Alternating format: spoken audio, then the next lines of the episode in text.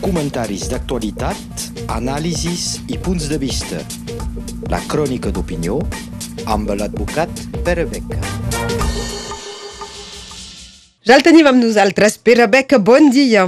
Bon dia. Eh, avui ens interessem per eh, la crisi i com hi respon el govern eh, francès per uh, fins i tot valorar el seu comportament.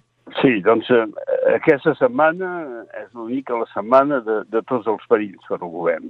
Eh, moltes vagues anunciades, protestes de tot tipus, desorganització, accions sindicals, tancada d'un certs sectors econòmics, és a dir, una expressió de refús de la part de la població, i especialment de la població que treballa, davant de la reforma de la jubilació.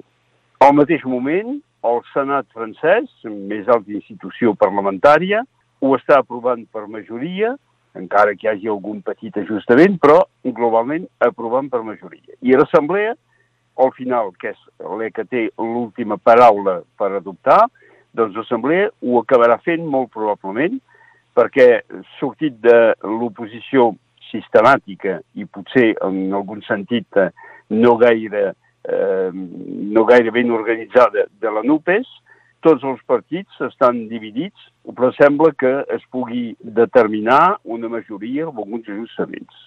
És a dir, que doncs, pot ser molt probablement que la representació nacional aprovi la reforma, llavors que la població i especialment els sindicats que sembla que viuen una nova primavera, perquè fins ara estaven poc presents al debat polític i ara són ells que porten la, la discussió i que porten la, la contestació, doncs els sindicats estan organitzant o, o bloqueig al país.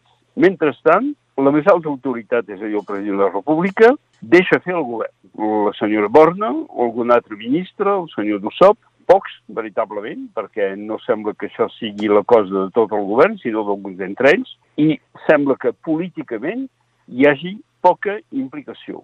El president de la República està fent la seva feina de president que correspon a l'Estatut de President de la Cinquena República, és a dir, cuidar-se de política internacional, i després d'haver tractat el tema de l'Ucraïna, sense gaire èxit, però ho hem tractat, Ara estava últimament fent una volta a l'Àfrica, és a dir, fent la feina tradicional d'un president de la República.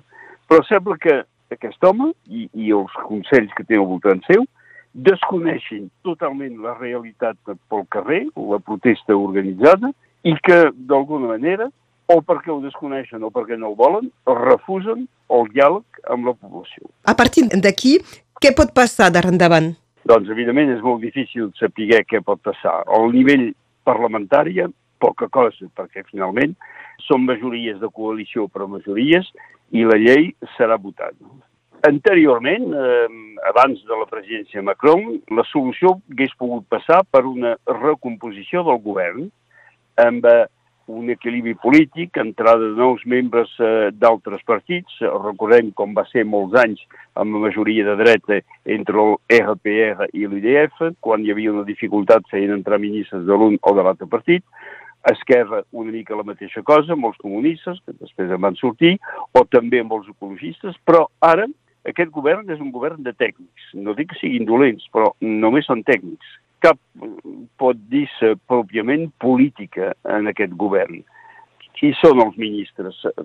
Molt desconeguts de la població, inclús el precedent primer ministre Joan Castex, nosaltres el coneixíem com Batlle de Prada, però a l'estat francès poca gent el coneixia. La senyora Borna, abans que fos primera ministra, poca gent la coneixia.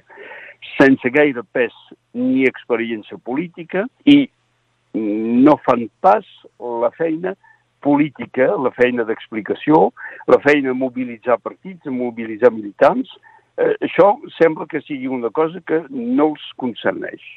I, per tant, canviar ministres, com s'està pensant en aquests moments, diu que Macron estaria pensant canviar ministres, poca conseqüència política, perquè sembla que a tot l'estat francès no hi hagin realment personalitats polítiques que puguin portar un pes en el govern. I enfrenta d'això, la política dels sindicats bloquejar el país, amb un risc molt fort de trencament de la societat entre els que no vol la reforma i els que tant els hi és, eh, però també entre la població de les ciutats que sembla més favorable i la població de ciutats més petites o la població del camp que hi és totalment en contra i que al final sembla que el trencament no es faci segons les línies tradicionals dels partits que saben que estaven pro o antigovern, sinó entre classes més o menys definides a la població, Eh, la primera imatge em va ser allò de, de les armilles, que era una gent ajuntada, però no sabia exactament eh, de quin origen, sinó que aquesta gent protestaven per estar en marge eh, del funcionament de la societat, del funcionament de l'Estat. I això vol dir que l'actual sistema parlamentari no funciona realment, que no té eficacitat i que, sobretot, no té representativitat.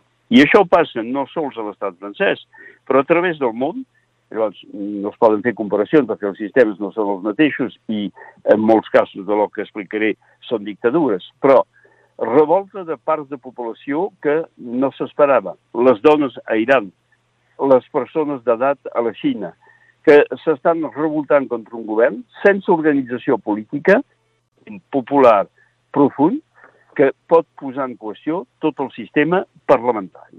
És que això significa que, de fet, es tracta d'una crisi institucional? Doncs potser sí, hi ha molts dies que ho dic, que l'organització democràtica sortida de les experiències del segle XIX, eh, amb una classe obrera forta, amb partits polítics organitzats, això s'està esborrant totalment. Llavors que mai ha sigut tan fàcil de permetre l'expressió de la gent a través de les xarxes, a través de la premsa, eh, és molt fàcil d'expressar i, i de donar opinions. Però mm, se sent una mena de ruptura o de començament de ruptura entre els que dominen totes aquestes tecnologies i que es poden expressar i que a vegades se n'aprofiten de manera eh, sense sentit, i els que no. Ja he dit, el món rural, que té poca expressió, per tant, els pagesos són la base del funcionament d'un país, i especialment de l'estat francès. Les classes mitjanes, que veuen la seva situació anant agreujant-se, anant baixant, eh, llavors que cada dia hi ha més gent més rica i més empreses que fan profits increïbles, i doncs això provoca una reacció de malfiança vis-a-vis dels polítics que bé estan obligats de composar amb totes les classes populars, però també de tenir l'apoyo de la gent que tenen mitjans econòmics i eh, el fet que cada dia més es necessiten ajudes públiques, és a dir, fer servir els impostos de tota la gent per ajudar algunes empreses, estic pensant en el tema del Covid, eh, amb les ajudes sense límit, i que ara es veu que algunes d'aquestes empreses que van cobrar ajudes estan fent profits considerables i que en aquests moments no proposen de repartir aquests profits excepte els seus accionaris.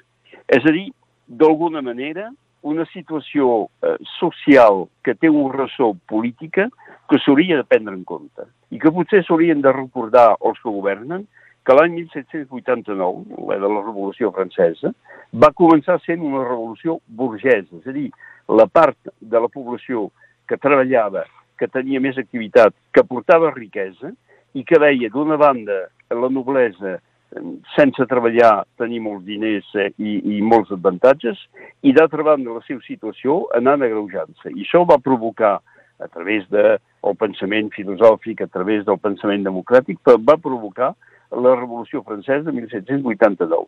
Aiem si no estem preparant alguna cosa d'aquest tipus. Això són les reflexions que podíem fer eh, avui amb en Pere Beca. Moltes gràcies.